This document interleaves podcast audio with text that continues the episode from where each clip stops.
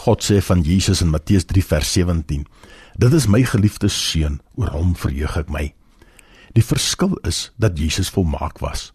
Ons is nie en sal nooit op aarde volmaak wees nie. Dank God, ek hoef nie volmaak te wees om welbehaaglik vir God te wees nie, want hy sien ons as sy kinders, gebore in hierdie wêreld met 'n sondige aard om Jesus Christus aan te neem en 'n nuwe aard te ontvang, beteken nie dat ek nou van al my swakhede ontslaag geraak het nie, want ek is nog steeds in hierdie brose menslike fisiese liggaam wat eendag tot stof sal vergaan, maar later verheerlik sal word. Hy verstaan dit. Die enkelike kwessie is: waarop is my hart gerig? Wat is my ware begeerte? Waarmee vermaak ek myself? Waarna toe is ek op pad? Dit gaan nie net oor dit wat ek doen nie. Dit gaan oor waar my hart is. Dit gaan oor waar my gees is.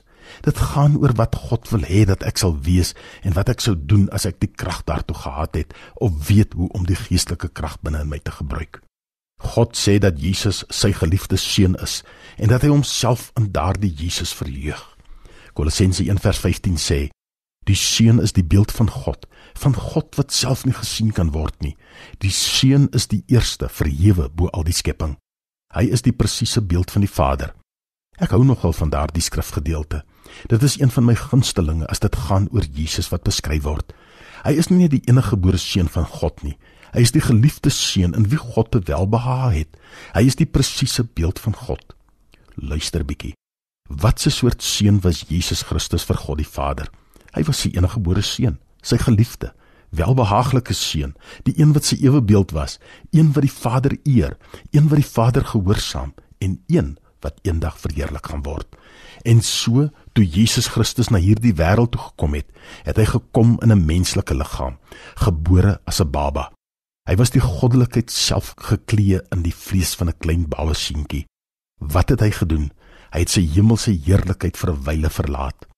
En nou is hy gereed om binnekort na die Vader toe terug te keer en hy sal die volgende dag gekruisig word. En nou sê Jesus: "Verheerlik U my nou ook by U Vader met die heerlikheid wat ek by U gehad het voordat die wêreld bestaan het." Johannes 17 vers 5.